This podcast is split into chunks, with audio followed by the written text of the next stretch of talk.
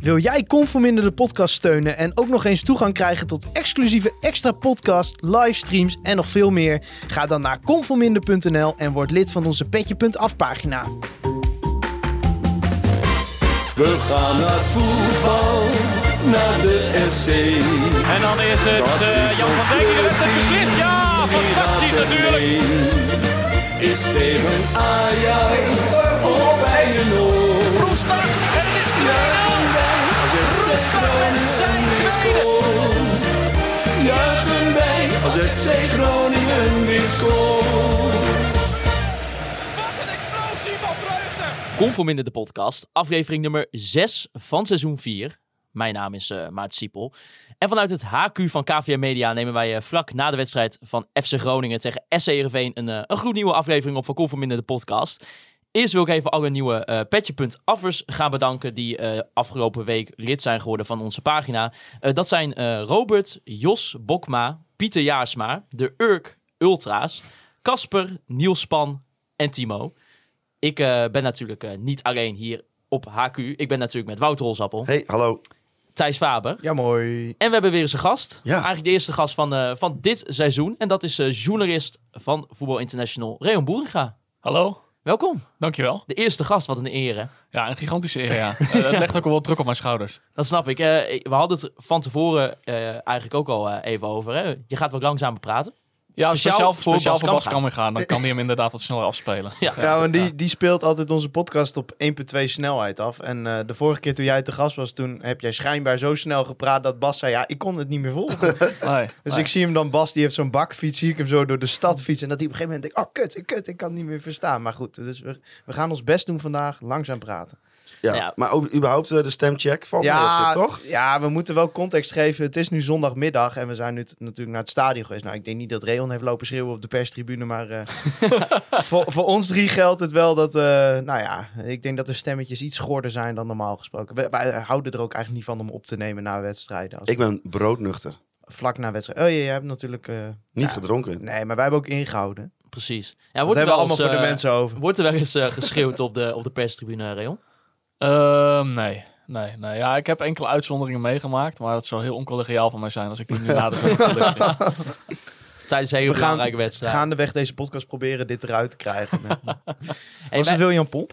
Nee, het was niet William Pomp. Ja, dat was tijdens Emmen Groningen. Die kan wel een nootje zingen hoor. Die eh, Willy Bomba onder zijn, uh, zijn daar, heb ik ooit eens een keer, daar heb ik ooit eens een keer prachtige video's van gezien, inderdaad. Precies. Ja. Nou, Ja, wie weet eh, komt er ooit een comeback van, van Willy Bomba. Wie weet. Wat ik me eigenlijk eerst wel, wel afvroeg. Wij hebben de afgelopen twee afleveringen ook natuurlijk gehad over de transfer deadline day. En eigenlijk hoe krankzinnig die was voor FC Groningen. Jij volgt natuurlijk niet alleen FC Groningen voor Voetbal International. Maar ook eh, de andere noordelijke clubs. Maar tijdens die transfer deadline day had je wel gewoon je handen vol al aan alleen al deze club. Ja, het sloeg echt helemaal nergens op. Dat was echt, eh, nou ja, het was in de dagen ervoor waren de meeste dingen natuurlijk al een beetje gaan rollen en al, aangekondigd van Matusiwa tot Goedmondson en eh ja, ja, Kelly en zo.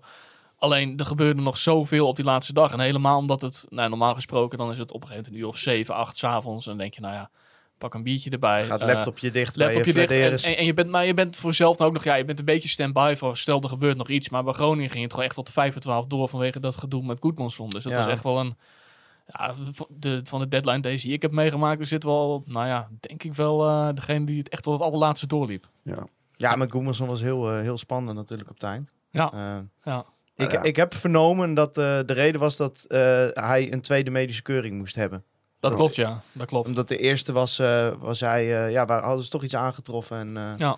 moesten ze nog een second opinion eh, krijgen erop. Dus daarom is het, heeft het zo lang geduurd. Wij hebben toen oorspronkelijk gezegd dat het iets financieels was, maar dat bleek helemaal niet. zo. Nou, het verhaal wat ik gehoord heb, tenminste vanuit FC Groningen, dat het twee, tweeledig was. Ten eerste dat er nog wel financiële eh, zaken bij Lille eh, geregeld moesten worden. En inderdaad dat het verhaal nog was dat er een, bij zijn eerste medische keuring iets naar boven was gekomen wat een second opinion noodzakelijk maakte. ja, precies. Ja. Ja. Nou goed, laten we vooral zijn eh, medische dossier hier niet helemaal eh, op tafel gooien. Maar eh, nou, mooi dat het door is gegaan, toch? Ja, want zo- zo'n zo'n transfer deadline day, hoe, hoe zag dat er voor jou dan uit? Eh, nou ja, ik heb volgens mij die ochtend, ik had mijn kinderen naar school gebracht. Want eh, mijn vrouw die was aan het werk dan.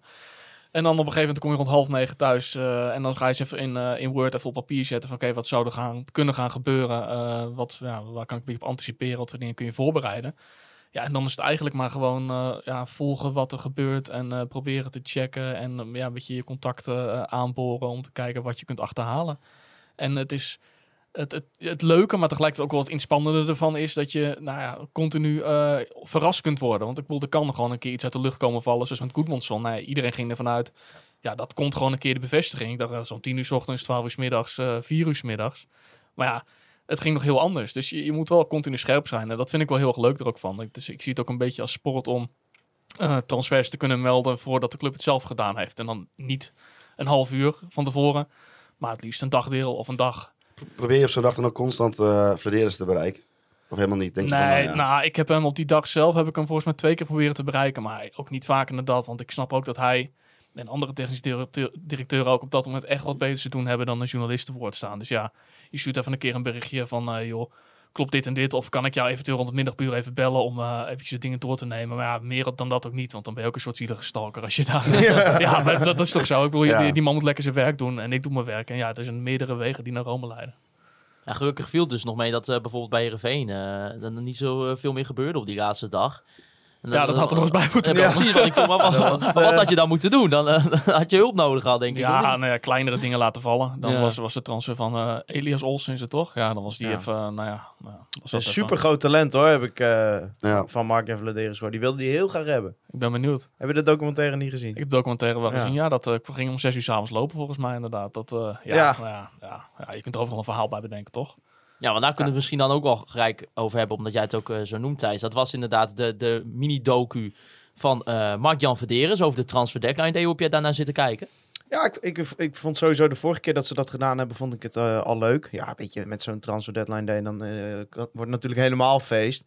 Ik weet, in het verleden heeft Sheffield United heeft dit ook een keer gedaan. Die waren een beetje de trendsetters daarmee, zeg maar. Sowieso heb je natuurlijk camera's binnen de clubs, overal tegenwoordig met van die series en zo. Maar eh, ja, dit is wel gewoon leuk inkijk. Ik Ja. vind ook echt... eh, ik heb dingen gezien waarvan ik zeg maar uit mediaperspectief denk van... Oh, dit kan best, zeg maar, wat, dat normaal een communicatie... eh, of een perschef zou zeggen van...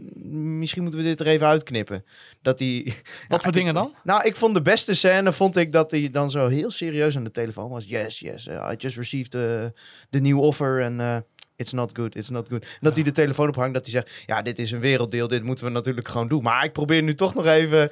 En dan iets later, dan staat hij zo van, nou, zijn toch weer drie tonnetjes extra. Dan denk ik van, ja, je gooit hier wel gewoon je onderhandelingsstrategie op tafel. Maar goed, ja. En dat ik, Gunner eh, dat er al aankomt en dat hij dan Ja, zegt van, wat een oh. kutdeal. het was ook kut deal geweest anders. Ja ik, ja, ik vind het geweldig dat het erin blijft, want zo zijn zij gewoon. En, Ja. en- Maar noemen dus- ze dan ook wel Peppy en Kokkie. Ja, dit was, dit was weer een goede scène van Peppy en Kokkie. maar het, het geeft gewoon leuk, leuk inzicht. Ik denk wel van ja, laat die interviews een nacht. Joh, boeien, laat me gewoon alleen maar fladeren zien de hele Ja. dag. Dat is wat ik wil zien. Ja, precies. Maar, dat, weet je, en, maar als je dat soort stukjes er ook zal uitknippen, dan wat blijft er dan ook over? Ja, nee, het moet wel een geheel zijn. Maar dit had voor mij ook drie kwartier mogen duren, zeg Ja. maar. Ja, dat was top. Maar ik denk dat er wel meer nog was dan wat ze hebben laten zien. Ja, dat denk, dat denk ik ook wel, ja. Maar je ziet ook gewoon hoe totaal bezeten en hoe hij erin begaan is. Dat vind ik ook wel heel ik erg vind leuk. dat, ik vind dat heerlijk. Er komt ook zo'n...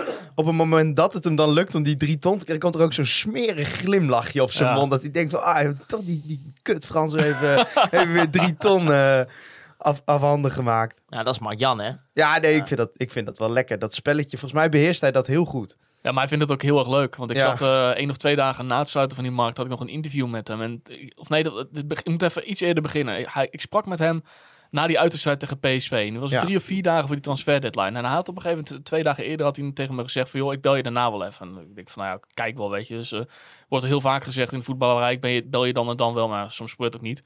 Dus ik lag ergens zoiets om kwart over twaalf. Ik zat nog op de bank en in één keer gaat de telefoon. En, nou ja, S'avonds? Ja, het is avonds, ja, ja. En even met hem eh, gesproken over alles. En ik zeg ook tegen hem van ja, maar je zult nu op een gegeven moment, als ik nou hoor wat je allemaal nog moet doen en wat je aan het doen bent, eh, ben je toch helemaal kapot.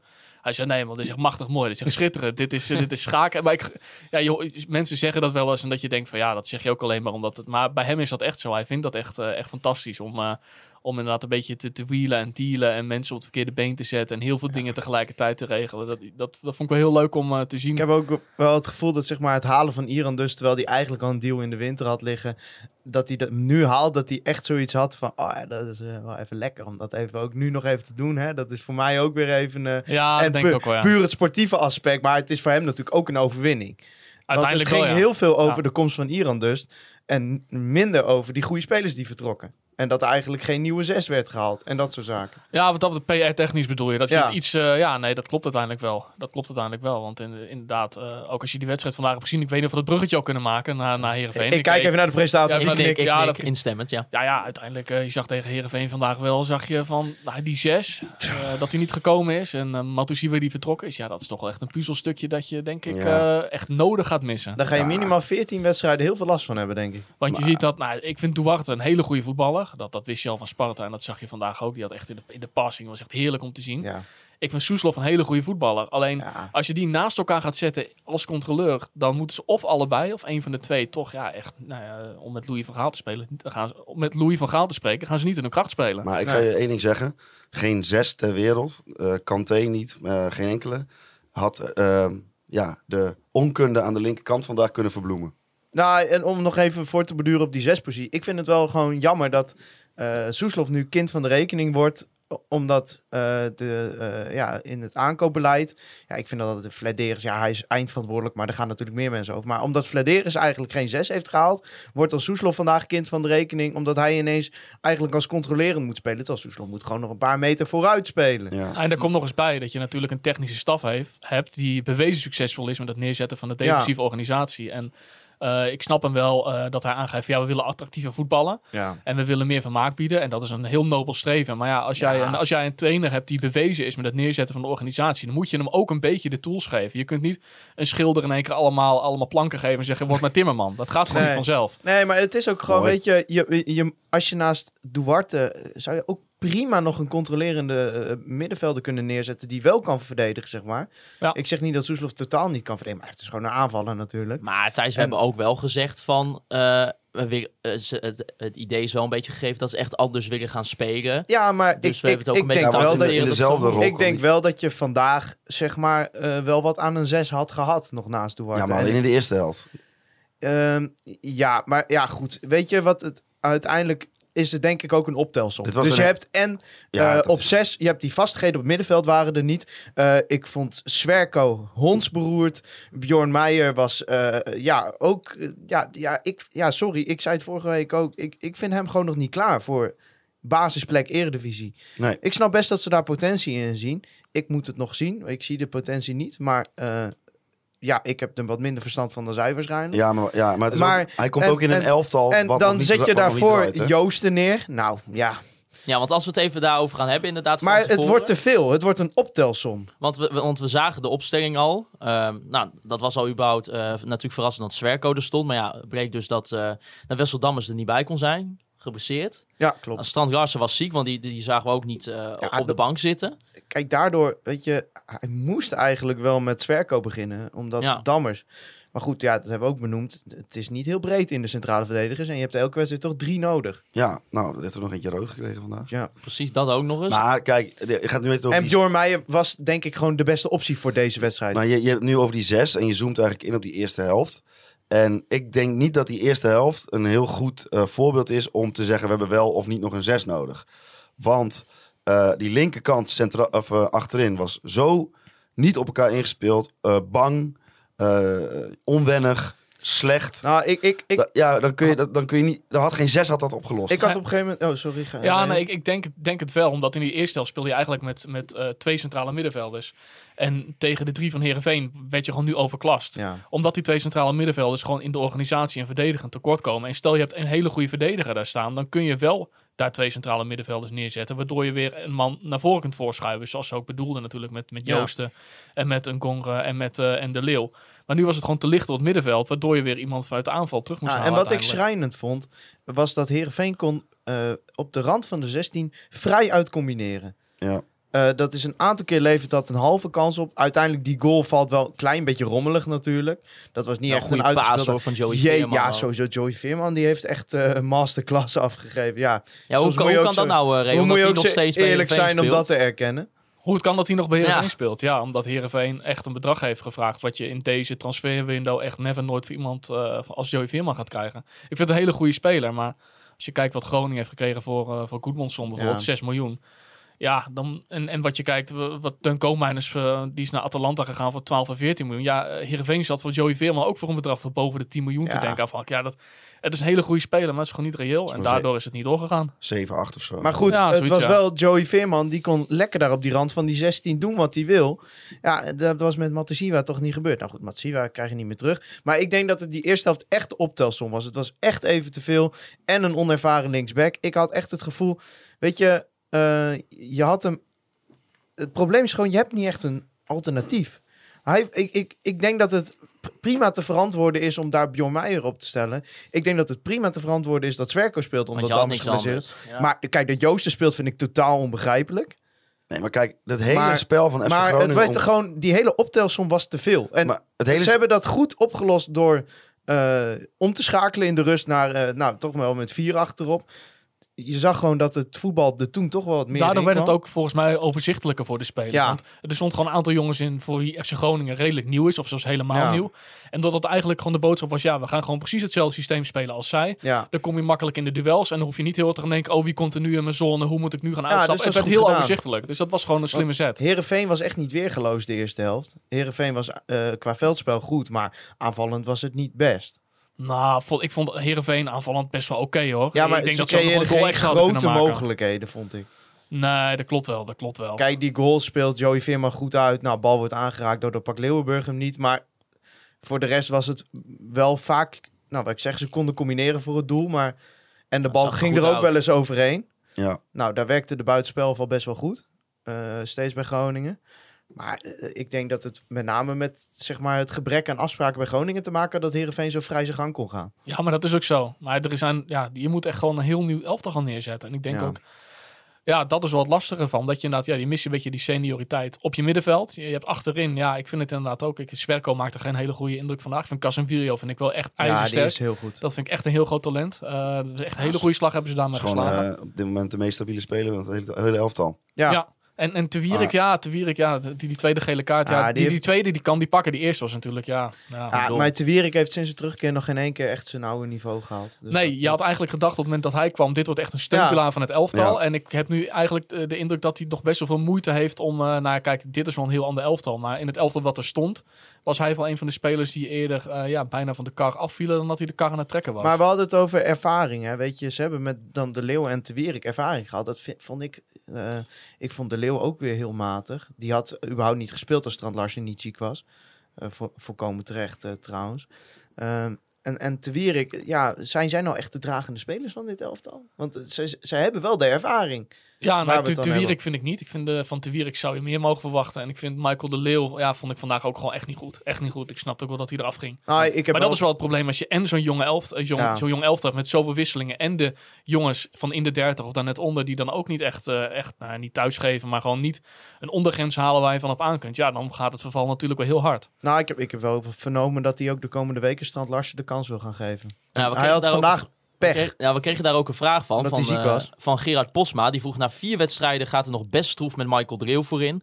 Kan je de Leeuw met de huidige tactiek niet beter als pinchhitter gebruiken? En iemand als Strand Larsen, was nu ziek, anders gewoon basis. Postema of Abraham gewoon de kans geven voorin. Ja, eh, ik ben het daarmee eens. Ik vind sowieso, kijk, je kunt de Leeuw er wel op aanpakken dat hij niet scoort. Hij krijgt natuurlijk ook geen aanvoer. Maar je moet dat als staf ook zien dat, eh, nou ja, oké, eh, vanaf die linkerkant komt weinig aanvoer. Vanaf rechts komt alles hoog, wordt allemaal toch weggekopt door die twee beren achterin bij Heerenveen.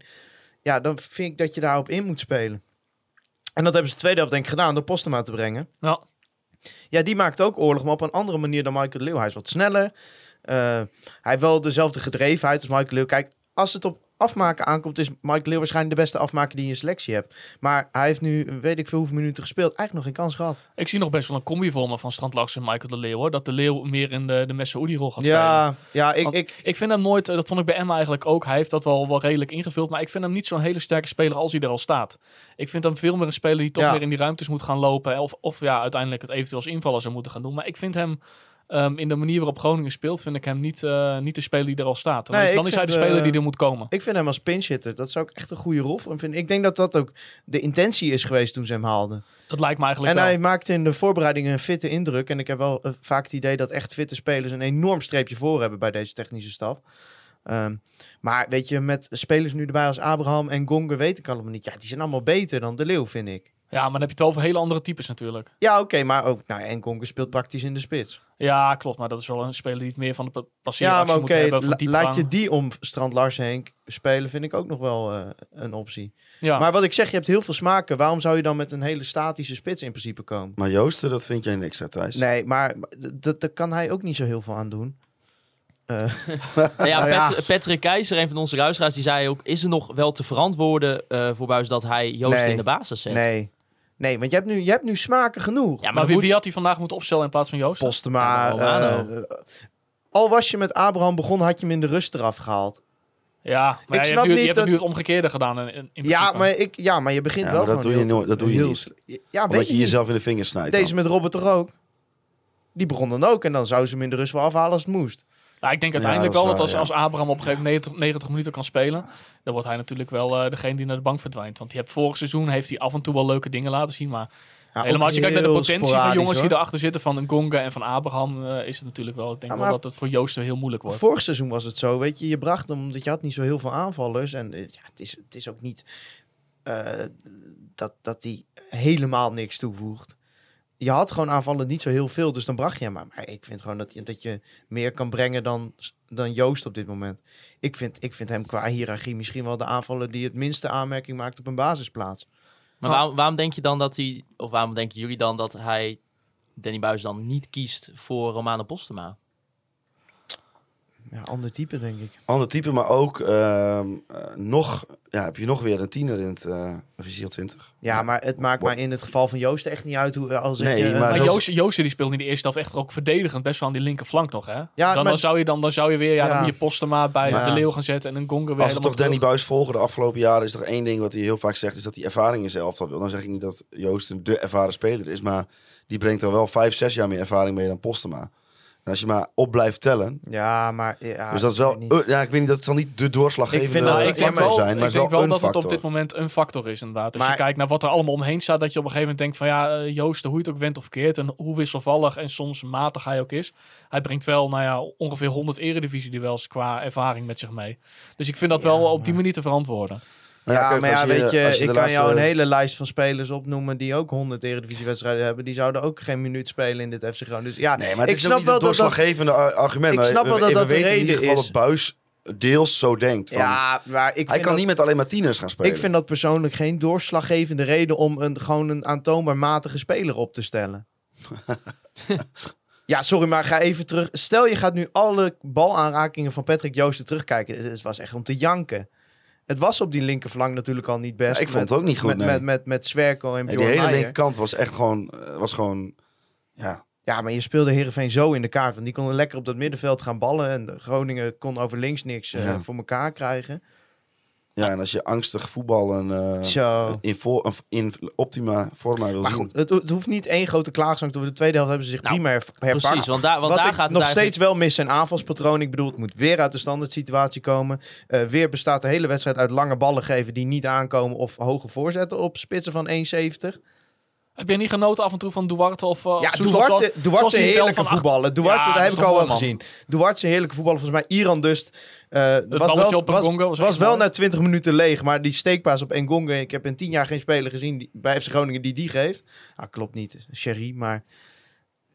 Ja, dus ik heb echt wel van hem... Maar ik moet je zeggen, in de fase waarin FC Groningen nu zit... Kijk, de eerste helft was gewoon heel matig slecht. Daar hoef je niet omheen te draaien. Maar als je dan kijkt hoe het in de tweede helft Ja, omdraait... en, het, en een ploeg die ehm, eigenlijk ten opzichte van vorig seizoen helemaal compleet is gebleven... die een beste speler behouden heeft, echt helemaal terugdringt... met de rug tegen de muur zet, 1-1 ja, maakt... en uiteindelijk voor die rode kaart, als je dan nog een winnaar had moeten aanwijzen... was het ja Groningen geweest. zonder meer. Dan vind ik dat je het echt niet slecht doet. Nee, dan maar, vind ik echt dat je oh, maar slecht ik, gedaan ik, hebt. ik zit ook echt niet negatief. Ik, ik was echt wel... eh, ik had ook, en dat heb ik sowieso altijd wel onderbuis, na zo'n eerste helft. Ik denk nu weer met publiek bij. Het kan niet dat ze nog een keer zo uit de kleedkamer gaan komen. Nou ja, en eh, dat was ook zo. Dus de tweede helft was prima. Maar ik mis nog steeds gewoon het aanvalsplan. Ja, maar dat is denk ik in deze situatie echt een kwestie van, eh, van Ja. vastigheid en Ja, van ik, ik, tijd. hoop, ik heb er vertrouwen in hoor dat het lukt. Ja. maar ik zie Iran het nu dus, niet. die- Iran dus, die had wel echt ook gelijk een heerlijke actie in de 16 eh van Ja. Heerenveen. Ja, daar begon er natuurlijk al heerlijk mee, publiek erachter. En eh, nou, uiteindelijk scoort eh en Gonga ook nog met, met de kopgoal. Dat is het derde doelpunt alweer. Ja, die begint... eh, ja, dat is een goede de speler. Dat is echt een goede is, speler. is hij op dit moment de beste nieuweling tot nu toe? Hij is natuurlijk een beetje de vervanger van Da Cruz, denk ik. Als je naar de selectieopbouw gaat kijken, ja, daar ben je er wel echt zwaar op vooruit gegaan. Ook nog iemand die je gewoon in eigen beheer hebt, zeg maar. Hij heeft volgens mij nu al net zo vaak gescoord als Da Cruz ook. Dus nee, ik vind het een fijne speler. Hij had op een gegeven moment dat duel met eh, Lucas Woudenberg. Dat hij hem drie keer de bal afpakte en op een gegeven moment moest Woudenberg wel de overtreding maken. Ja, dat zijn wel spelers eh, waar ik graag naar kijk, ja. En ik vond Duarte dus ook goed. Ja, en Bart van Hintem was weer terug. Ja, Ehm, is natuurlijk eh, nou, toch in de hele voorbereiding eigenlijk een beetje gemist vanwege dat zijn dochtertje ziek was. Bij RTV Noord eh, liet hij weten dat, eh, dat het beter gaat met, met zijn dochtertje. Nou ja, en hij maakte dus ook weer minuten in het eerste elftal. Ja, ik vond het wel weer heerlijk om Ja. Bart van Hintem in actie te zien. het is als Bart van Hintem tien wedstrijden achter elkaar basis staat, dan denk je van, wat moe met die gozer. En als, iedereen, als hij dan een tijdje niet is geweest en hij is er weer, dan denk je, hij is er weer. Ja, Ja, hij is wel... Hij- dat is ja, het, hè? ik- Dit is het. Ja. Hij is wel echt extreem degelijk, hè? Och, ja, man. hij is echt heel degelijk. Maar je zag ook gewoon, kijk, Meijer was, die had echt moeite om mee te komen in de, Ja. in de eerste helft. En toen kwam Van Hintem en en nou ja, de lat lag dus niet zo hoog, maar hij deed echt goed. Ja, nee, maar eh, als je dan toch in levende lijven eh, de ervaring zoekt die Buis op dat moment nodig heeft, dan is dat Bart van Alleen die Hintem. ver ingooien. Ja, nou ja, daar kwamen we elke keer nog achter mogen Hoort erbij. terecht. Er heeft nog Is nooit... kult, is hoort erbij. Wa- Wat ik er mooi aan vind, want ik zat er dus vandaag op een gegeven moment ook op te letten. Je had, had je een jaar of tien geleden had je bij Stoke City had je die Rory Lab. Hè, die slingerde zich Ja. gewoon echt gewoon voorbij de tweede paal nog bijna. Wat het mooie is van Bart van Hintem, vlak voordat hij gaat gooien, want je denkt je neemt die aanloop om in je snelheid om hem nog meer kracht mee te geven. Maar vlak voordat hij eh, gaat gooien, stopt hij helemaal. En dan gooit hij. Ik denk van, waarom heb je dan die aanloop genomen? Hij dan Ja. één keer gewoon, je moet maar eens kijken. Dan, hij bevriest helemaal en Ja, dan is, gaat hij pas gooien. Ik, denk dat, ik ben geen eh, natuurkundige, maar ik denk dat het een soort katapult effect Maar is. je kan Ja, zeggen wat ja. je wil, maar die gozer flikkert ze wel gewoon naar de tweede paal toe. Ja, zo. Nee, maar, maar kijk, als, als we nu ook een beetje kijken hè, eh, met Bjorn eh, Meijer, die nou, gewoon niet zo heel gelukkig zijn eerste helft eh, speelde als basisspeler van FC Groningen. Eh, nou, ja, ja, Kelly moeten we ook nog maar zien wat het is. Eh, denk je, Real, misschien dat voor de komende periode Bart van Hintem eventueel maar op die linker wingback moet worden gezet? Ja, om toch maar een beetje eh ja, lullig te spreken, maar ja, omdat we niet beter hebben. Dat is wel heel lullig gesproken. Ja, nee, maar hij, in, de, in de eerste helft was Bjorn Meijer natuurlijk echt wingback. In de tweede helft toen stond, eh, even kijken, toen, wie stond er links voorin? Toen was het natuurlijk niet de linker wingback. Want er Nee. stond er een, link, een linksbuiten Ja. voor. Dus hij was echt gewoon linksback eigenlijk.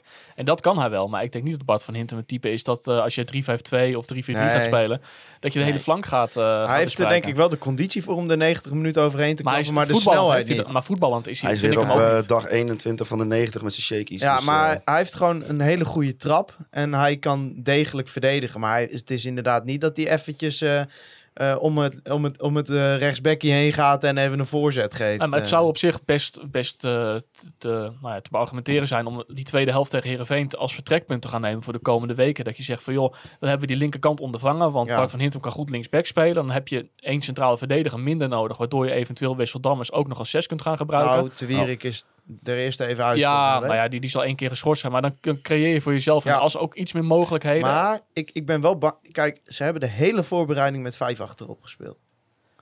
Ja, dat doe je niet omdat je dan vervolgens naar speelronde 4 en drie spelers vertrekken om dan weer naar 4-3-3 te Ja, gaan. maar aan de andere kant, als je, als je met Iran dus er een extra 10 bij hebt gekregen, eh, je ziet je wingback op links vertrekken, je ziet je zes vertrekken, ja, je moet ook gewoon pragmatisch zijn Ja. en, en daarna gaan handelen. Dus ik zou het echt niet raar vinden als, als, als Buis eh, besluit van, door, dit neem ik als vertrekpunt, hier gaan we mee verder. En inderdaad, stel over vijf wedstrijden zie je wel weer dat het defensieve eh, beter staat, dat je bijvoorbeeld Bjorn Meijer of, of Jaya Kelly zich ziet ontwikkelen en dan wel weer zegt van, ja, we gaan naar dat systeem met, met drie Wat centrale zou je dan met uh, El Kouri doen? Gewoon op rechtsback? ja, ik vind dat wel, eh, dat vind ik Ja, wel zijn beste gaat plek. wel. Helemaal nu je zoveel Ja. jongens, Paulus Abraham van En- in hebt. Nou ja, Ja, je hebt een. Je Waarom haalt hem zou er niet meer uit natuurlijk. Precies, we hebben het er nog niet over gehad, maar hij is dus de aanvoerder. Ja, die speelt altijd, toch? Ja, tuurlijk. Ja. Ja, dat denk ik wel, ja. Ik denk dat we even kunnen gaan naar de Online Retail Company Moment van de Week. Het Online Retail Company Moment van de Week.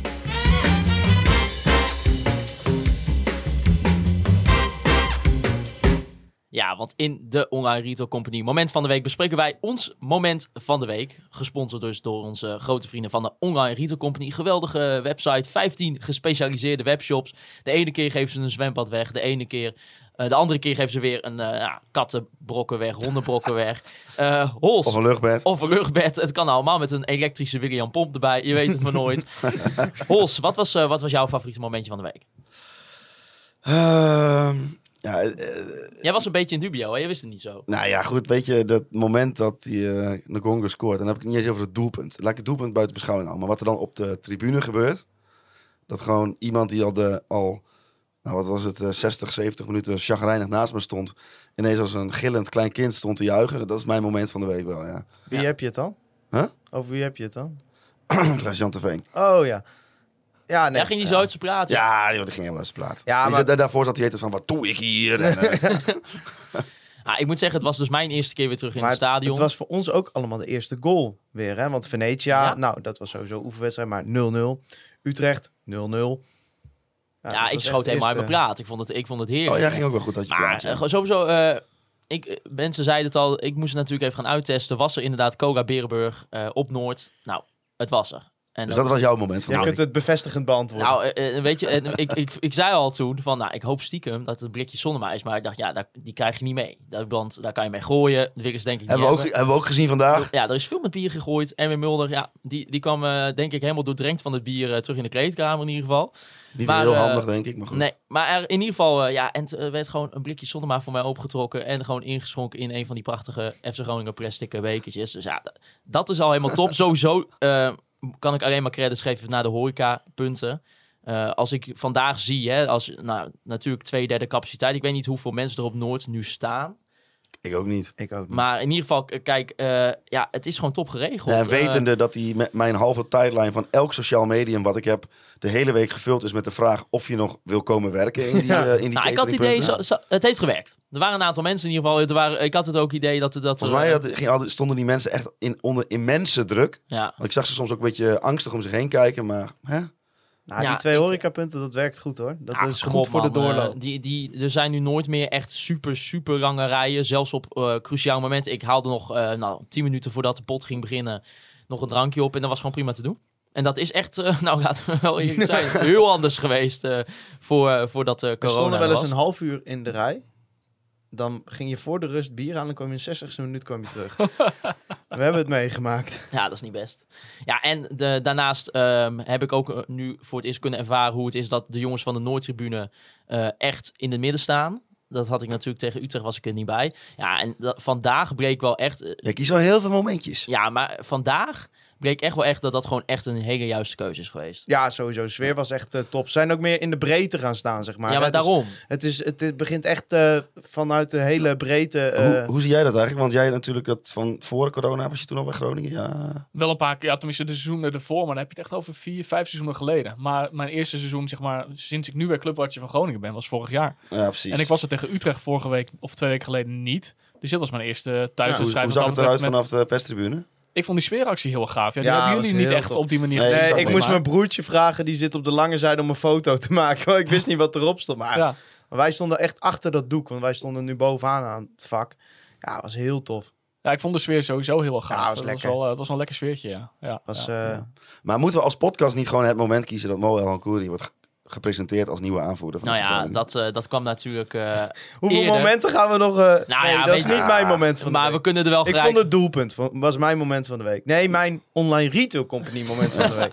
Nee, maar weet je, dan kunnen we wel inderdaad het gewoon gelijk hebben over, over Mo El Nkouri, die eh, dus captain is van FC Groningen voetbalclub nummer 1. het, is, het, is, het is geweldig om te zien. Eh, ik moet wel zeggen, een beetje gemixte reacties. Ja. Ehm, sommigen vonden het prachtig. Die zeggen, ja, Mo heeft dit echt verdiend, hard gewerkt. Eh, nou ja, zoals Danny Buis ook zelf zei, staat echt symbool voor de strijdwijze en werkwijze bij FC Groningen. Maar mensen zeiden ook van, ja, ik ken Mo nog nooit eh, verbaal Nou, gezien. en ik heb dus gewoon ehm, eh, bij de warming-up heb ik het gezien. Ik heb erop gelet. En op een gegeven moment ook was er een overtreding en dan had eventueel geel gege- gegeven kon worden. En ik zag hem echt helemaal vanaf die rechterkant het veld oversteken naar de scheidsrechter. Met zijn armen van die bewegingen maken van kom op, geef geel. Ja, eh, ik heb vorige week natuurlijk een heel relaas eh, gehouden over de rol van de aanvoerder. En dat die wat mij betreft... Veel eh, hoon voor ontvangen ook. Nee. Voor, voor die- dat relatie. Zeker niet. Maar eh, Lees dat, je andere dat die- reacties dan ik. dat hij wat mij Ik betreft... heb dat ook gehoord trouwens en ik was het echt totaal niet met je eens. Ik vond Nee, het echt, eh, ik je vond echt helemaal nergens Hoor je het ook eens van een Nou, goed, ander. maakt ook niet uit. Waarom, eh, waarom niet, Reon? Ja, maar kom op zeg, maar dan doe je net alsof het een soort... Het, het is toch topsport dat je bedrijf, het is toch echt een functie. En, en ja, ik, jij deed het zo af als een soort van, ja... eh, ja, Bijrolletje. ja. Nou, kijk, en het maar heeft ik had ook het idee dat er inderdaad, en volgens mij stipte Thijs op maat het ook aan, dat er een of ander jeugdtrauma aan de grond zich lag. Maar dat kwam uiteindelijk toch niet helemaal naar boven. Maar Ja, maar ben jij ooit een keer afgewezen als aanvoerder? Nee. Omdat je knieën kapot gingen? toen? Nee, nee, helemaal niet. Je schudde je kruisband af en toen eh, was het... eh, ja, Wouter, leef maar in die band, hè? Met je grote bek altijd. Nee, want ik word, was... word maar coach. Eh, nou, ik was, ik was in, in de jeugd was ik niet een hele, hele begaafde voetballer. Dus kreeg ik die band sowieso niet. Maar op een gegeven moment was ik gewoon leider van het team. En toen kon ik mezelf, zeg maar, aanvoerder maken. Maar dat deed ik ook, dat deed ik ook niet. Zo.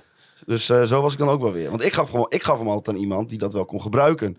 Die altijd hard werkte, maar misschien wat, eh, eh, die niet per se de beste was. En dan gaf ik hem die band en dan zag ik hem. En leefde dat eh, veel titels op? Nou, dan we- werd het in ieder geval geen eh 10-1, maar 6-1 voor bijvoorbeeld voor de tegenstander. Maar, nou goed, over El en Koeri. Ik Maar, denk, je kunt ervan zeggen wat je wil. Ik heb zelf ook wel mijn twijfels. Dat ik denk van ja, oké, ik, ik heb vorige week dus gezegd, ik denk dat de aanvoerder best wel belangrijk is. Maar aan de andere kant, weet je, wij kunnen dat wel zeggen op gevoel.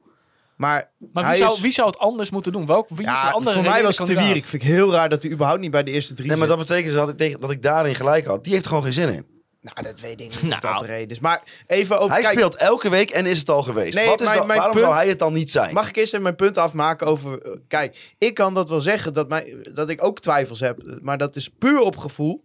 Hij is gekozen door een technische staf die elke dag met hem werkt. En het is goedgekeurd in overeenstemming met een team dat elke dag met hem speelt. Ja, dan, ja dat is dus kennelijk een breed gedragen beslissing. Prima dan toch? Was jij een beetje verbaasd, Rayon, toen, je- toen je dat zag? Dat Mo El Kouri de nieuwe aanvoerder was van FC. Groningen? Nee, totaal niet. De enige waarvan ik dacht dat het zou nog kunnen worden is Michael de Leeuw. Maar aan de andere kant wist ik ook al van ja, het idee is ook wel een beetje dat ze in die spitspositie gaan roleren. En ja, je gaat gewoon een aanvoerder kiezen die je altijd opstelt.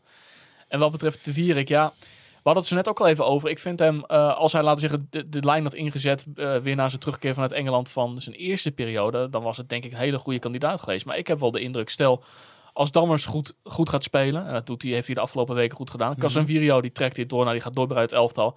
En op de linker centrale verdediger, nou ja, Swerko, ik moet het nog zien, maar die gaat ook gewoon, ze, die gaat ook gewoon laten zien waar hij toe in staat is.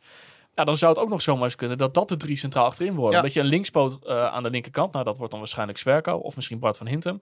Casemiro lijkt me geen enkele discussie. En ik denk dat Dammers en de Wierik dan niet ver van elkaar zitten. Dus En dan is Dammers in principe nog jonger, dus meer restwaarde ook. nou ja, dat kun je ook nog, nog, erbij pakken. Maar ik denk dat je het ook nog zo kunt bekijken. Dat het misschien niet zo vaststaand is dat, hij, eh, dat Mike de Wierik eh, 34 wedstrijden gaat spelen als dat het nu lijkt. Nee. Nou ja, en dan de andere alternatieven zijn natuurlijk allemaal spelers die kortstondig... Je zou, Leeuwburg zou kunnen. Joosten. Omdat hij best wel veel... Kijk, Leeuwburg is best... Jij loopt gewoon echt gewoon die hele avonddiscussie gewoon te trollen. Zo, Ja. met, Ja, eh, natuurlijk, maar dat mag toch ook? Ja, ik bedoel, ja. Ik snap heus wel dat het waarde heeft, maar goed, ik ben inderdaad eh, iemand... eh, Maar bijvoorbeeld Leeuwburg zou kunnen. Ja, maar ja, ik denk ook dat je iemand wil die de clubcultuur een beetje begrijpt. En Ja, begrijpt hoe het team zich aan het ontwikkelen is. En welke stappen er genomen zijn, wa- waar je vandaan komt. Dus een hele logische keuze. Ja, Nou, ik werd vandaag nog wel in het stadion op deze opmerking aangesproken door iemand die zei van ja, je doet hetzelfde als Johan Derksen en dat soort eh, figuren die, ze- die dan zeggen van het maakt niet uit wie je bij Ajax trainen maakt, want het zijn toch wel goede spelers. Dus nou ja, goed, eh, niet iedereen was het inderdaad met me fijn dat de mensen in het stadion jou corrigeren op jouw domme uitspraken. Ja, maar, ja. maar daarom zit ik hier ook om Hier, domme dus uitspraken te doen. een journalist van het meest gerespecteerde voetbalblad pak jou aan. Ik pak jou aan. Iemand in het stadion pak jou op die mening aan. Misschien moet je eens een keer gaan nadenken. Maarten? Of Nou, het misschien nou, niet zo goed standpunt Maar de psychologie van de mens is dan op een gegeven moment dat hoe meer tegenwind je dan op een gegeven moment krijgt, hoe, hoe, echt, hoe meer je Nou, gaat vastklampen aan dat, aan, de- aan het argument en hoe meer uitweging je gaat Zeker dat toch- recalcitrante hoopje mensen dat daarnaast jou zit. Hoor. Dat is echt... eh, Maar wel eh, ter verdediging van Hols. Jij Ja, kijk, jij, daar gaan we. Jij ach, zei, God, nee, kom, kom. zei, Meneer de eh, presentator gaat even beide kanten belichten. Ja, Ja, maar Je bij kunt zo bij op één aanschuiven. Bij- Even beide kanten belichten. bij Conforminder de podcast is het de regel dat Maarten en ik altijd tegen jou zijn. Ja, precies. Nou, Maar kijk, jij zei gelijk toen dat, toen dat bericht eh, uitkwam, zei jij, nee, Danny Buis geeft mij gewoon gelijk. ja, ook dat nog. Want, want, want Daarbij Danny, zeg je van, hij heeft het alleen maar gedaan omdat het hem niet interesseert wie aanvoerder Nee, is. want, want Nee, maar wel dat hij er dus zegt van, want hij, hij, is- Danny Buis zegt letterlijk in die video van, ja nee, in het veld hebben we heel veel leiders. Dat is eigenlijk, was ook eigenlijk een beetje mijn boodschap van, Ah, het, nee, het dat was maakt niet nee, uit of je een band nee, om hebt bent, om leiding te geven in het veld. jij bent nu met, het- met ik- achteraf inzicht ben jij je eerder genoemde standpunten die gewoon eh, door heel veel mensen inmiddels bevestigd zijn dat dat gewoon onzin was, ben jij nu aan het bijstellen. Ja, maar, eh, En dan ga je met de autoriteit van Danny Buis schermen om het kracht bij te zetten. Terwijl Danny Buis zei gewoon heel wat anders en die had wel gewoon gelijk. als ik iets elke dag bijstel, is het wat ik vind. Ja, zo kom je er makkelijk vanaf. Hè? Ik vind het makkelijk. Ja, maar hoezo?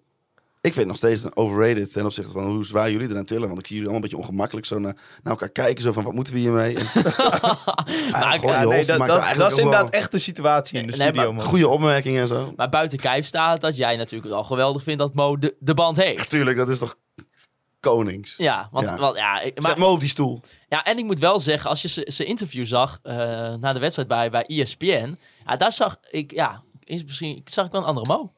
Ja? Ja, ik zag wel, eh, ik zag wel een Mo die, die er gewoon zelfverzekerd stond. Eh, want dat, dat is ook wel eens anders geweest natuurlijk eh, voor hem. Ja. En ja, als, dan, dan maakt het me gewoon trots om dat te zien. En dan heeft hij dat gewoon verdiend. En ja, of het nou uiteindelijk je beste aanvoerder is, dat weet ik niet. Maar net zoals wat Thijs zegt, ja, anders hadden ze denk ik echt makkelijker. Want de makkelijke keuze was gewoon Mike geweest. Ja, die is dan een keer geweest. En... Ja. Maar ik, ik ben het in zoverre wel met Reon eens. Misschien is het toch echt wel dat ze denken van... eh, dat ze Zwerko op de training, dat ze daar iets in zien wat ik niet zie. dat ze denken van... Ja, misschien inderdaad met Dammers, Casemiro en, en Zwerko... dat worden onze drie achterin. En het is dan toch wat lastiger om die schakel te maken... als, eh, Ja, klopt. als het persoon in twijfel de band draagt. Maar Ja. om dan überhaupt geen... Want kijk, Van Hintem hebben we van gezegd... we weten niet hoeveel die gaat spelen. Maar die is gewoon de derde aanvoerder. Ja, dat is inderdaad, dat ben ik wel met je eens. Dat Ja. is nog wel opmerkelijk. Want inderdaad, de Ja, Leeuw is om de Of tweede. hij moet echt aangegeven hebben, ik wil het niet. Dat kan ook nog. Ja, dat kan. Dat is me niet bekend. Maar Als er nou een journalist in deze ruimte was, die dat even gewoon even navraagt. ja, daar heb je wel gelijk in, ja. Hij heeft, hij, hij heeft vier clubs te volgen, joh. Dat, je Nee, kunt toch drie, niet... toch? eh, Drie. Drie. Hoezo M heb je er niet bij? Ja, maar dat is alleen, alleen de eredivisie kan ik, eh, kan ik coveren. Oh, precies, ja, ja. anders is het echt niet meer te doen. Oh ja, M speelt natuurlijk niet meer in de Eredivisie. Maar eh, misschien wel leuk van hoe, Reon, hoe kijk je nu een beetje naar, naar de status van, van FC Groningen ten opzichte van de twee andere clubs die je volgt eh, in de Eredivisie momenteel? Nou, ja, is een hele, hele, hele brede vraag natuurlijk. Maar ik vind dat eh, als je kijkt naar de staat van FC Groningen puur qua selectie, er zit al ontiegelijk veel talent en waarde in die selectie. En dat vind ik wel interessant om te zien als je dat vergelijkt met Heerenveen en Cambuur. Maar Heerenveen hebben we het net over gehad, Veerman, dat is een gigantische parel, maar dat is er één. En dan houdt het ook wel een beetje op. Eh, misschien van Ewijk over een jaartje of zo. Nou, bij Cambuur, dat is natuurlijk een club die net uit de eerste divisie komt. Maar als je bij Groningen kijkt, Paulus Abraham, eh Ngongre, Casemiro, eh Soeslof. Er lopen zoveel jongens rond waarvan ik niet zo opkijk. Als je weer een beetje een transfermarkt hebt die weer aantrekt tot het pre-corona niveau. Dat het gewoon bedragen worden die richting, richting de 7,5, 10 miljoen gaan.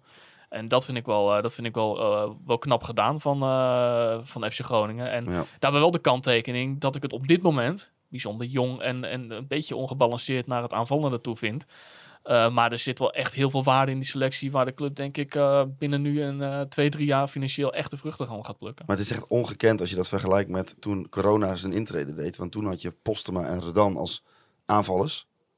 En nu, ja, er is wel aardig doorgepakt de En- afgelopen twee jaar. en ja. nu is Postema weg geweest en weer terug. En nou ja, het is gewoon een dozijn aanvallers. Ja, je hebt er bijna te veel dan te weinig. Ik vond het wat dat betreft ook verrassend dat in die laatste week van de window... dat ze toch wel volgens mij een beetje voor een vertrek van Patrick Joosten zijn gelegen... die volgens mij nou, Zwolle wilde en Ja. volgens mij hebben we ook nog andere clubs. Ik had hem daar veel succes gewenst. Ja, maar ik denk toch van ja, dan creëer je ook gewoon gelijk ruimte voor jongens als Paulus Abraham en Ngongo... omdat dat toch wel de jongens zijn die je in de nabije toekomst een keer een flinke klap we, moeten we gaan weten ook van Danny Buis dat hij soms een, iets speciaals heeft voor een speler. Hè, dat, dat, misschien Ja. heeft hij dat nu ook wel voor Joosten. Ja, maar hij heeft hem ook heel vaak niet gebruikt, terwijl hij wel fit was. Als hij überhaupt fit was. Nou, hij, dat is, dan moet je hem kijk- nageven, hij is wel fit. Nee, maar kijk, Elan Kouri die is, nou, ja, die is echt verguisd tot, in het, eh, tot het dieptepunt. Dat wij ook zeiden, en iedereen eigenlijk van dit kan gewoon niet. Buis heeft altijd die jongen opgesteld. Ah, maar Altijd. dan moet Joosten gewoon wingback worden. We zoeken nog een linker wingback, dus eh, Ja, zet hem daar maar niet echt gebeuren. Nee, Maar ik ook Nee. niet. Maar ja, goed, ik had bij Ellen Koeri ook niet verwacht dat hij aanvoerder zou zijn eh, een jaar geleden. Dus ja. Toen Maar, ik- maar ik ben wel heel benieuwd eh, om even op, op je vraag door te gaan, Maarten. Van wat dit seizoen nou. eh want vorig seizoen was natuurlijk gewoon qua prestaties echt, eh, echt wel knap. Gewoon omdat je Mhm. best wel gewoon heel steady met een best wel grote voorsprong die play-offs hebt gehaald. Als je nou naar dit seizoen kijkt, ben wel benieuwd hoe jullie naar kijken. Het aantal wisselingen dat je gehad hebt. Nou ja, Pad weg, Itakura weg, Goedmanson weg, Matusiba weg. En wat er voor terug is gekomen. Wat vinden jullie qua doelstelling? Wat, ja, ik vind dat het behoorlijk scherp wordt weggezet, als ik eerlijk ben. Ik, ik vind dat Groningen qua statuur altijd wordt mee te doen in de play-offs. ja, maar dat is toch qua statuur. Dat- Ja, maar ik denk qua selectie ook op dit moment. Ja, ik, ik ben daar dus heel erg benieuwd naar. Het, ik, ik, ik zie ons, zeg maar, als je een beetje naar het, het, het vijvertje, om het zo maar te zeggen, gaat kijken. Met Herenveen, misschien pak een Heracles erbij, pak een Twente erbij. Eh, misschien, ja, Fortuna heeft niet zo'n brede selectie, maar op zich de basis is wel oké. pak dat. Nou, erbij. Fortuna is wel flink verzwakt, maar dat Ja, een heel maar- raar zijstraatje om dat in te gaan maar. Maar, eh, zeg maar dat poeltje wat een beetje meedoet om die, om die play-offs. ja. denk ik dat Groningen, zeg maar, eh, als je de Utrechts, Vitesse, AZ, als je die weglaat en nou, de top drie erbij, denk ik dat Groningen van die clubs in potentie qua plafond dus er sowieso het beste voor staat. En ik denk als die vastigheden erin komen, waar ik in deze technische staf vertrouwen heb dat dat redelijk snel gaat lukken, dan denk ik dat je om plek 7, 8 best moet kunnen meespelen. Ja. En ik vind dat je dat jezelf, gezien de kwaliteit die je hebt... Kijk, tuurlijk, kanttekening, ervaring, eh, het middenveld... eh, zit je best wel krap in, in de opties. Maar ik vind dat je dat jezelf best als doelstelling op mag leggen. Want er is natuurlijk best geïnvesteerd in spelers. Ik Nou bedoel, ja, ze maar hebben dan het- kun je toch al stellen Ja, dat maar je ze hebben het- beste spelers bent kwijtgeraakt natuurlijk. Ja, maar ze hebben wel het salarisbudget flink opgerekt om al die spelers te halen. Ja, maar het zijn wel vooral spelers waarvan je waarschijnlijk over een jaar pas echt de vruchten van gaat Nee, plukken. dat, dat klopt. Maar dan nog denk ik dat het kwalitatief genoeg moet zijn om wel om die plekken mee te doen. Want als je kijkt wat voor windows die clubs die ik eerder noemde, bijvoorbeeld een Heracles bijvoorbeeld, ja, die hebben natuurlijk een waardeloze window gehad, vergeleken met ons, vind ik. Eh, Ja. Zeker wat er binnen is gekomen. Ja, misschien kijk ik er te veel door de groen-witte bril naar. Nou, ik- maar- ik ben wel heel erg benieuwd naar hoe het zich gaat ontwikkelen. Ook Ja, omdat je een ik beetje in, het er spannende is heel veel ongewis. Dat wil ik er wel Ja, graag bij zeggen. ja. Maar ik denk dat je Want het kan ook zo de andere kant op Ja, maar ja, en je kunt nu in een. Je, sowieso heeft Groningen een heel lastig programma natuurlijk om mee te beginnen. Wij hebben nog niet even lekker, eh, weet ik veel. Niet dat wij dat er makkelijke wedstrijden voor Groningen zijn. Maar we hebben nog geen, eh, eh, nou, noem eens wat pek thuis of zo gehad. Nou, en wat ik heel opvallend vind, is dat Verderes eigenlijk heeft aangegeven ja, ik vond het voetbal, eh, nou we hebben goed, goed gepresteerd, er zijn de jongens zijn beter geworden, maar ik vond het voetbal niet attractief genoeg. En daar valt sec genomen echt wel wat voor te zeggen. Alleen daarmee leg je de lat naar het nieuwe seizoen zo hoog. Ten eerste, je hebt dus gewoon een ploeg die helemaal opnieuw moet gaan smeden. Dat ja, is, ik ben daarmee eens hoor. dat, dat is één. Ten tweede, nou, je moet dus ook nog gaan presteren. En ten derde, het moet ook nog attractief. En ik vraag me af, als je dat allemaal bij je technische staf neerlegt, van jongens, oké, en we willen die play-offs halen. En we willen dat volgend jaar Paulus Abraham of de Thomas Soeslof eh, 8 of 10 miljoen waard is. En ten derde, oh ja, het zou even gaaf zijn als we ja, eh, expected goals gemiddeld zoveel per wedstrijd scoren. Dan leg je de lat wel heel hoog. Om even En- de schaakanalogie eh, te doen, eh, dus wel schaken op heel veel borden tegelijk. Ja, en ik vraag me af in hoeverre dat realistisch is. Eh, ik, ik, ik snap eh, heel goed wat je zegt. Ik ben het in, in, in die zin ook wel mee eens. Maar ik denk dat op papier dat onze selectie wel gewoon rond plek 7, 8 hoort te liggen. En ik denk ook qua salaris wat je betaalt, hoort dat ook gewoon zo te zijn. Ja, maar het is wel natuurlijk daarin wel de vraag. Ja, maar je kunt uitschieters Hoeveel- hebben, naar beneden en naar boven. Want dat is eh, logisch als je zoveel jonge spelers hebt. Ja, maar daarom, ik weet ook niet of dat, zeg maar, die, die aanpassingen, of dat binnen nu en, en drie speelrondes, alsof dat allemaal... Nou, het kut is gewoon, je, Ik- gaat, ik- je gaat naar Willem II toe, lastige uitwedstrijd. Krijg je Vitesse thuis, gewoon lastige tegenstander. Ga je uit naar Ajax, lastig. Twente thuis, ook een pittige wedstrijd. Nou, Sparta uit hebben het ook nooit lastig. Krijg je daarna AZ thuis. Sparta uit, wat leuk trouwens. Sparta uit. Ja, dat wordt, Ja. dat wordt het Ja. boksduel tussen, Ja, tussen. In het voorprogramma Vrezen tegen Vladeris heb ik gehoord. Maar eh, we hebben de komende wedstrijden zijn best wel belangrijke wedstrijden. Tegen bijvoorbeeld de Vitesse, Twente, eh, AZ denk ik ook. Want die gaan denk ik niet meer om directe Europese kwalificatie meespelen. Het zijn allemaal concurrenten voor de play-offs die je nu gaat tegenkomen in een tijdperk dat die spelers nog moeten wennen. Eh, ja, andere kant, er komt op een gegeven moment een periode, de spelen volgens mij eerst thuis RKC, Eagles uit daarna. Eh, dat, dat zijn uit. de op papier wat makkelijkere wedstrijden. Uiteindelijk krijg je ze allemaal. Dat, ja, Uit en thuis. maar, maar het is bij Groningen wel echt zo dat in het schema, het is best wel uit balans. Ik bedoel, de eerste vier die we hebben gehad, dat zijn geen makkelijke wedstrijden. nou ja, je begint toch tegen een promovendus. Ja, maar jij weet net zo goed als ik, jij was er ook toch eh, bij die ja, wedstrijd? natuurlijk. Maar uiteindelijk daar ga je wel als nummer 7 van het vorige seizoen nog wel als favoriet aan toe. Prima. Nou, daarna eh, krijg je Utrecht thuis. Nou, Utrecht is gewoon goed dit seizoen. Ga je uit naar PSV, is altijd een kansloze wedstrijd. Ja, het is niet lekker beginnen. Nee, dat klopt. Nou, maar daarom denk ik ook, kijk, het zou wel zo kunnen zijn dat dit echt nog wel even een beetje eh, gaat duren tot, tot de winterstop. En dat je dan pas misschien aan, Ja. aan, aan- in Ja, nee, januari het En misschien zien. heb je dan al zoveel verlies geleden dat je het niet meer Nou, kan compenseren. Dat zou, en dat zou kunnen. En dat je dan maar gewoon blij moet zijn dat je achtste negen wordt. En dat je dan inderdaad echt volgend seizoen, zoals Reon ook zegt, eh, echt de vruchten gaat plukken van dat je die jongens nu hebt gehaald. En in, ja, Heb je de term je- tussenjaar nu gehoord? Nou ja, tussen, nou ja, ik, Het T-woord? het, het tussenjaar misschien. Nou ja, als jij, als jij ziet hoe inderdaad hoeveel basisspelers je bent kwijtgeraakt. eh met ook nog eh Ahmed natuurlijk er ook nog bij. Ja, misschien wel. Ja, ik vind wel, als dat de situatie is, vind ik dat je als technisch eh, qua aankoopbeleid gefaald hebt. Stevig geworden van Thijs. Ja, want ik eh, vind gewoon, als je zoveel sterkhouders laat gaan en je haalt vervolgens alleen maar spelers terug die eerst nog een jaar moeten wennen, dan heb je Nou ja, gewoon niet de goede dat is spelers natuurlijk niet met iedereen zo, want met Raros weet je dat ook wel gelijk. Ja, eh, die staat, er staat er gewoon. Maar bijvoorbeeld op de linksback hebben we niemand gehaald die er meteen staat. Ja, Nee, maar dat vind had ik slecht nooit. als je al Nou, anderhalf jaar weet dat nou, ik- Maar weggaat. kom op, de, de, dat, dat is ook al vaak. Die, dat type is niet zomaar te Ja, ik vervangen. snap en ook zeker wel- niet voor een club als FC Groningen. Ik snap ook wel dat het niet 1, 2, 3 kan. Maar ik vind gewoon, als je naar de situatie kijkt... Je weet al een jaar dat Goedmanson gaat vertrekken. Dat het eraan zit te komen. En ik snap dat in deze zomer... zijn vast alle targets al weggekocht. Want je komt pas op de laatste dag schakelen. Maar als je gewoon heel sec naar de situatie waarin we nu zitten kijken... dat je in een wedstrijd tegen een concurrent om de play-offs... moet beginnen met een jeugdspeler die echt wel talentvol is... maar duidelijk ja, nog niet klaar voor het eerste is. Ja, dan vind ik dat je als, eh, of als technisch Ja, want dan eh, is de keuze, management dat je wel jezelf achter de oren moet krabben. ja, maar de keuze is dan uiteindelijk... Misschien verwacht ik te veel hoor, Ja, maar want- ik vind wel dat je dan. Kijk, de keuze die ze gemaakt hebben is heel simpel. Inderdaad, ja, we gaan nu gewoon twee stappen achteruit met het idee om er uiteindelijk weer drie vooruit te doen. Ja, en dat is prima hè. Ja, en maar, Maar- ja, het alternatief was geweest, ja, dan had je bij wijze van spreken Aaron Meijers opgehaald, die nu bij Sparta op linksback loopt. Ja, dat is en dat. Is, dat is even een beetje heel Maar- scherp weggezet. Maar ja, dan ga je naar iemand toe, ja, die, die loopt daar en die haalt zijn zesjes. En Ja. dan volgend jaar moet je weer op zoek naar een plakbandje daar. Maar het is wel zo wat jij net zegt. Ze zeggen er wel bij. Ja, we gaan wel een play-off spelen en attractief spelen. En eh, Ja, en ik vraag me dus af echt in hoeverre dat, dat realistisch is. Om ik- het allemaal naast elkaar oh, bij deze groep en bij deze staf te leggen, waar nog zoveel vragen ik denk dat het moet kunnen, in principe. Als het goed valt, het plek kunnen. 7, Ja. 8 spelen moet gewoon kunnen. Het moet kunnen, maar het moet wel vallen. Ja, het moet wel gaan vallen, ja. Ja, ja. Te beginnen met eh, aanstaande zaterdag. Is dit een hele negatieve podcast? Nou, ja, het begon met natuurlijk een We beetje... moeten ook nooit naar wedstrijden Nee. opnemen. Dan zit ik nog veel te veel Ja, in. de- nou, dat vind bied- ik het fijnst. Ik bied nu alvast mijn excuses aan voor alle Ja, uitspraken. ik, vind het, ik vind het, ik moet heel eerlijk zeggen, ik vind het een hele eh, ontspannen aflevering van Conforminder de podcast. Ik hoef niet zoveel te zeggen.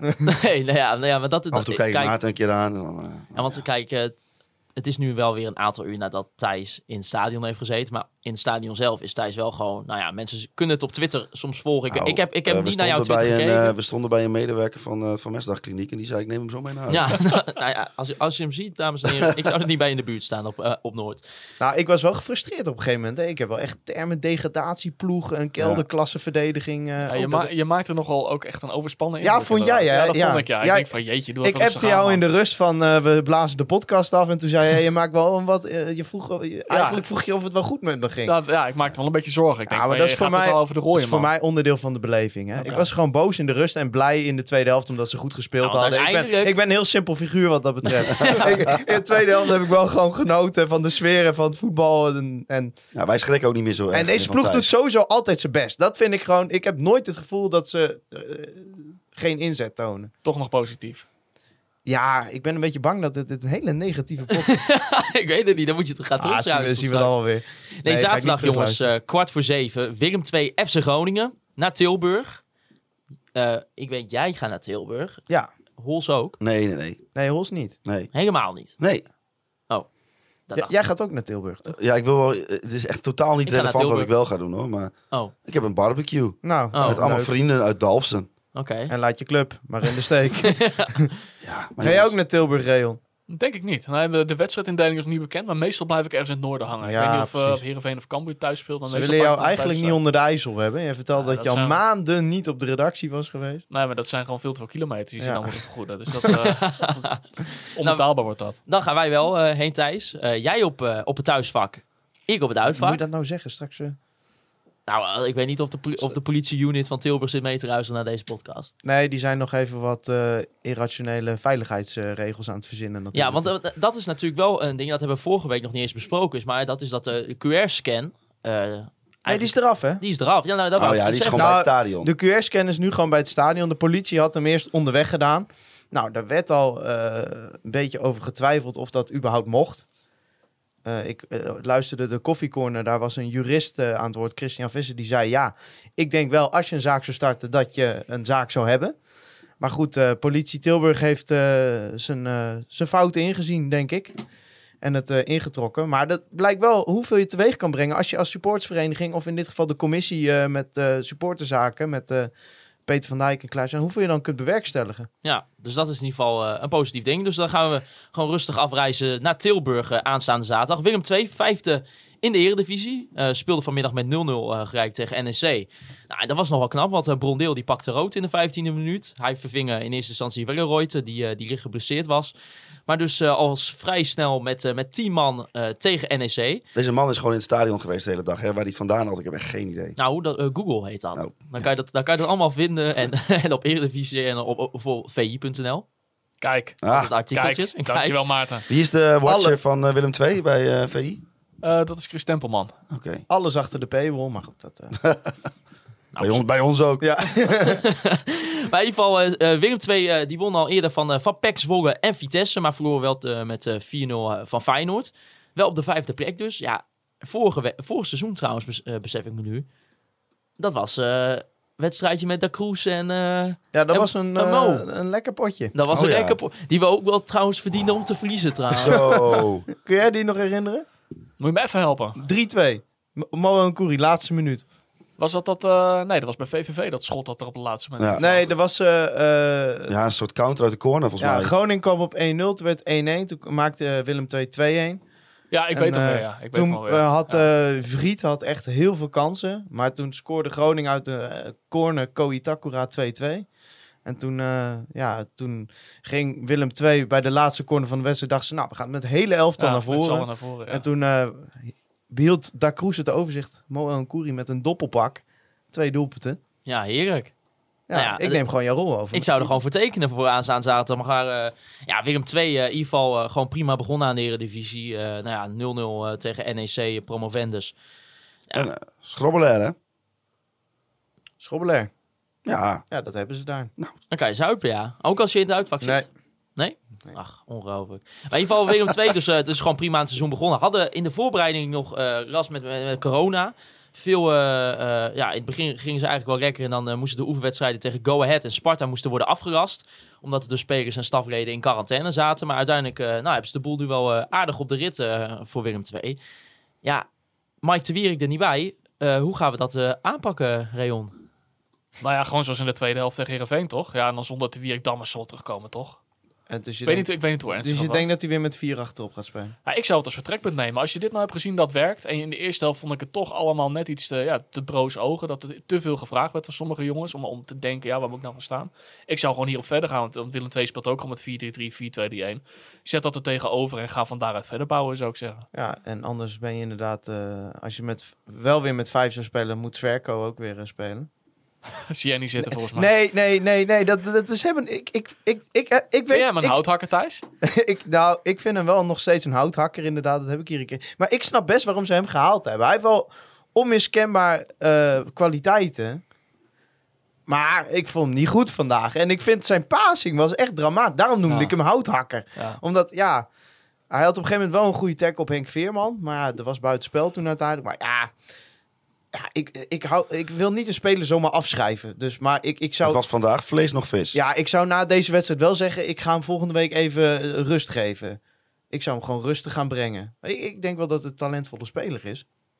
Hoe oud is hij eigenlijk? 23, dacht ik. Ja, nou, daar zit toch maar wel rek in. Hij is best snel. Hij heeft eh, fysiek is het wel in orde. Hij heeft best een goede paas. Eh, het zou wel fijn zijn als hij hem een keer naar iemand in hetzelfde kleur shirt zou willen spelen met die paas. Maar nee, maar zonder gekheid. Nee. Maar ik, zou, ik, ik ben het wel met jou eens. Ik zou gewoon met vier achterin gaan spelen.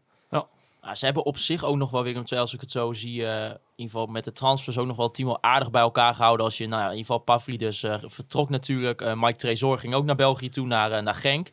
Maar voor de rest staan er ook nog wel veel een beetje dezelfde namen eh, op. Wat je eigenlijk dus ook wel een beetje bij, bij, Weer- of, bij Heerenveen zag.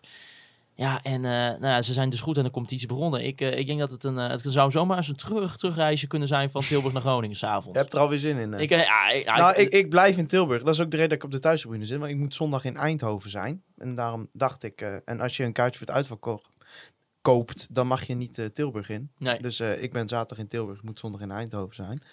Ehm, maar ik hoef dus sowieso geen lange terugreis. Dus dat is wel een prettig vooruitzicht. Precies. Hey, eh Reon, zou je denk ik ook met Strand Larsen gaan beginnen weer? Ja, zou ik wel doen. Ik vond, vond de Leeuw vandaag gewoon niet goed. Dus ik zou gewoon echt uh, Strand Larsen een kans gaan geven. Of Postema. Ja. Maar, maar het is wel tijd, denk ik, dat iemand anders een keer eh, daar een paar wedstrijden mag laten zien wat hij kan. Ja, ja, ik ben. eh, ik, ik weet je, ik, volgens mij, eh, hij scoorde ook weer eh, bij Noorwegen. Bij, bij Jong Noorwegen dan eh Stan Larsen. eh, ja, ik, ik gun het hem gewoon. Ik hoop gewoon eh, dat hij wel inderdaad de kans gaat krijgen. Want met. eh, Het is wel pech dat Michael hij dan ziek is vandaag. Hè? Ja, nou ja, ik weet niet eh, of hij anders basis had gestaan. Ja. Volgens mij eh, wel, hè? Had S- Stefan Breker. Ja. ja, dan had ik het ook wel eens die eerste helft ook nog wel een beetje willen zien. Maar ik weet niet of het per se eh, door Larsen denk ik niet Nee, dat het heel dat erg anders was geweest. Dus eh, nou ja, eh, gewoon uiteindelijk dat je als je gewoon zo in die tweede helft eh, doorpakt wat, eh, tegen, tegen Willem II, dan, eh, dan hebben we daar gewoon, eh, kunnen we daar gewoon een prima pot spelen. Ja, ik ben dus wel En, echt fan van de Postema vibe in, voorin. Ja, vind ik Ja. ook wel. En niet, het gaat nog niet eens zozeer om wat hij exact eh, aan acties doet en met de bal doet. Maar er gebeurt gewoon wat. maar man Engonga heeft- gaat er niet uit bijvoorbeeld. hè? Nee, Joosten? Ja, die gaat er. eh, Ik, ik mag hopen dat hij volgens. Ja, je weet het niet, hè? Voor je het weet, start hij weer volgens. Ja, gezien we dan wel weer. Ja, precies. ik, moet, ik moet ook wat. eh, Thijs, er- denk aan je hart. ja, Maar ze kunnen toch gewoon allemaal. Als je gewoon 4-2-3-1 gaat spelen, dan kun je ze gewoon allemaal gewoon... ook eh, Joosten.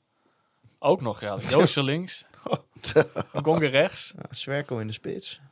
het, kan, het kan zo weer een grabbelopstelling eh, gaan worden dus. Ja, Ja. nou ja, dan, eh, dan gaan we dat zien wat Danny eh, uit zijn eh Nou, je weet hoe hoofd, het nu gaat gaat. Bart, ga- Bart van Hintem gaat dan waarschijnlijk spelen. En dat vinden we allemaal prima. En over Ja. zes wedstrijden denken we, kan Bart van Hintem er ook uit? Ja, ja. En zo is het cirkeltje weer mooi en dan zie je weer een paar wedstrijden wisselen. Dan denk je van, hmm, mis Bart. Ja, nou precies. En dan speelt hij dan gewoon weer. Ja. Nou, hopelijk. We gaan het, zien. We gaan er dan zien eh, of Bart van Hintem eh, aanstaande zaterdag eh, start tegen, tegen Willem II. Reon, ik... eh, Mag ik, nog één ding zeggen? Ja? Eh, deze week is bekend geworden dat eh, onze grote vriend, vaak te gast bij ons geweest, Wim Masker, die is, eh, ja, eh, ja, hoe moet je dat zeggen, geforceerd om te stoppen met zijn werkzaamheden als clubwatcher van FC Groningen. Zijn, eh, zijn kranten Groningen Gezinsbode, dat eh, is onderdeel van NEC Mediagroep en dat is overgenomen door het Mediahuis. En eh, nou, die zijn er samen uitgekomen dat hij, eh, ja, dat, dat hij niet meer verder gaat als eh stukjeschrijver eh, over FC Groningen voor de gezinsbode. En ik wilde toch eh, van dit platform gebruik maken om te zeggen dat ik het erg jammer vind. Nou ja, en als dat je ik, de reacties ook las, iedereen Ja. was toch wel een beetje ontdaan eh, door deze 32 keuze. jaar. Ja. ik, eh, ik, ik, ik, snap het niet. vind het echt jammer dat je iemand met zoveel kennis en, en zoveel... Iemand die van de jeugdopleiding tot het eerste elftal de club uit eh, zijn broekzak kent. Die kent elk hoekje van het jasje van eh, Mark-Jan Vladeris kent Wim Masker. Ik, ik weet echt geen journalist die beter op de hoogte is van deze club dan, dan Wim Masker. En dat zeg ik niet omdat hij er nu mee ophoudt. Ik denk dat mensen die... die eh, nou, Hij is ongeveer een van onze meest aangevraagde. ja, maar dat is ook gewoon meer dan terecht. Dus ik wilde gewoon even zeggen dat Ja, ik, ik ben het volledig met je eens. erg Ja, jammer eens. vind. En eh, ik denk dat het belangrijk is dat we dat eh, gewoon benoemen. Dat Ja. het gewoon jammer is. Dat het op deze manier moet eindigen. Ja, En, nou ja, laten we vooral hopen dat het hiermee niet eindigt. Nee, ik, ik, ik hoop niet. Want Nee. de kennis van Wim en eh, de schrijfstijl van Wim, dat mag niet verloren gaan. Een zeer deskundige, vriendelijke, sympathieke collega. Nou, zo ken ik hem ook.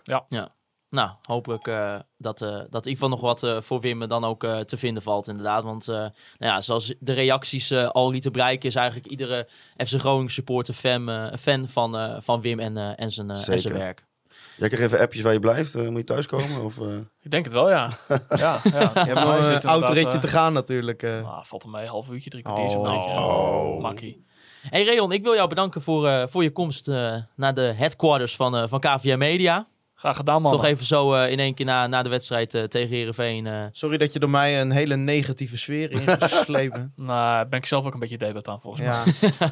een cynisch, cynisch beeld. precies. Maar het, is allemaal, het was gewoon een leuke middag, toch? Ach man, het was een kunnen heerlijke toch afsluitend wel zeggen. middag. Heerlijk. En de tweede helft was gewoon top. En volgende week woensdag mogen we alweer. Nou, daarom. Thuiswedstrijdje. Gewoon twee wedstrijden kort Ja, achter elkaar. Vitesse Dus, thuis. Lekker man, En woensdagavond. daarna, die dag, dag daarna, podcastfestival.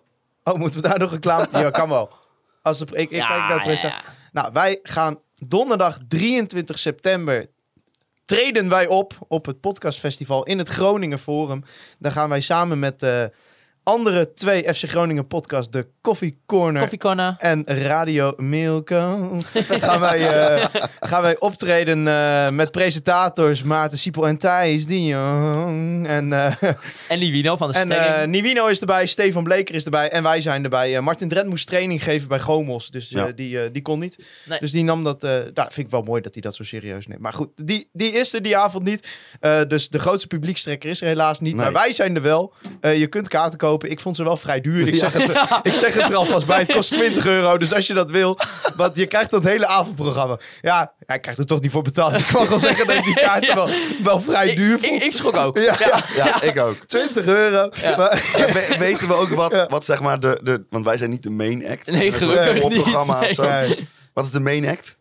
Geen idee. maar, maar je kunt, eh je kunt eh kaart kopen op podcastfestival.nl is dat geloof ik. Het link staat in de beschrijving. Helemaal goed. Jullie kunnen eh Conforminder de podcast volgen via Spotify, Apple Podcast en natuurlijk ook via Google Podcast.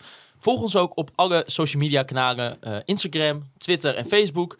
Jullie kunnen mij persoonlijk volgen op Twitter, Maarten, Siepel, Thijs, Faber, Holzappel en ook Reon Boeriga via Reon Boeriga. Ik wil Andy Zuidema bedanken natuurlijk voor de foto's die we mogen gebruiken voor onze social media van eh, Studio Gambar. Ik wil B-Trip natuurlijk bedanken voor het inspreken van de online retail company Moment van de Week. Free Westerhof en Mark Pepping voor de prachtige intro en outro muziek. En als laatste wil ik jullie natuurlijk bedanken voor het luisteren naar Conforminder, de podcast. Juichen wij als FC Groningen scoort.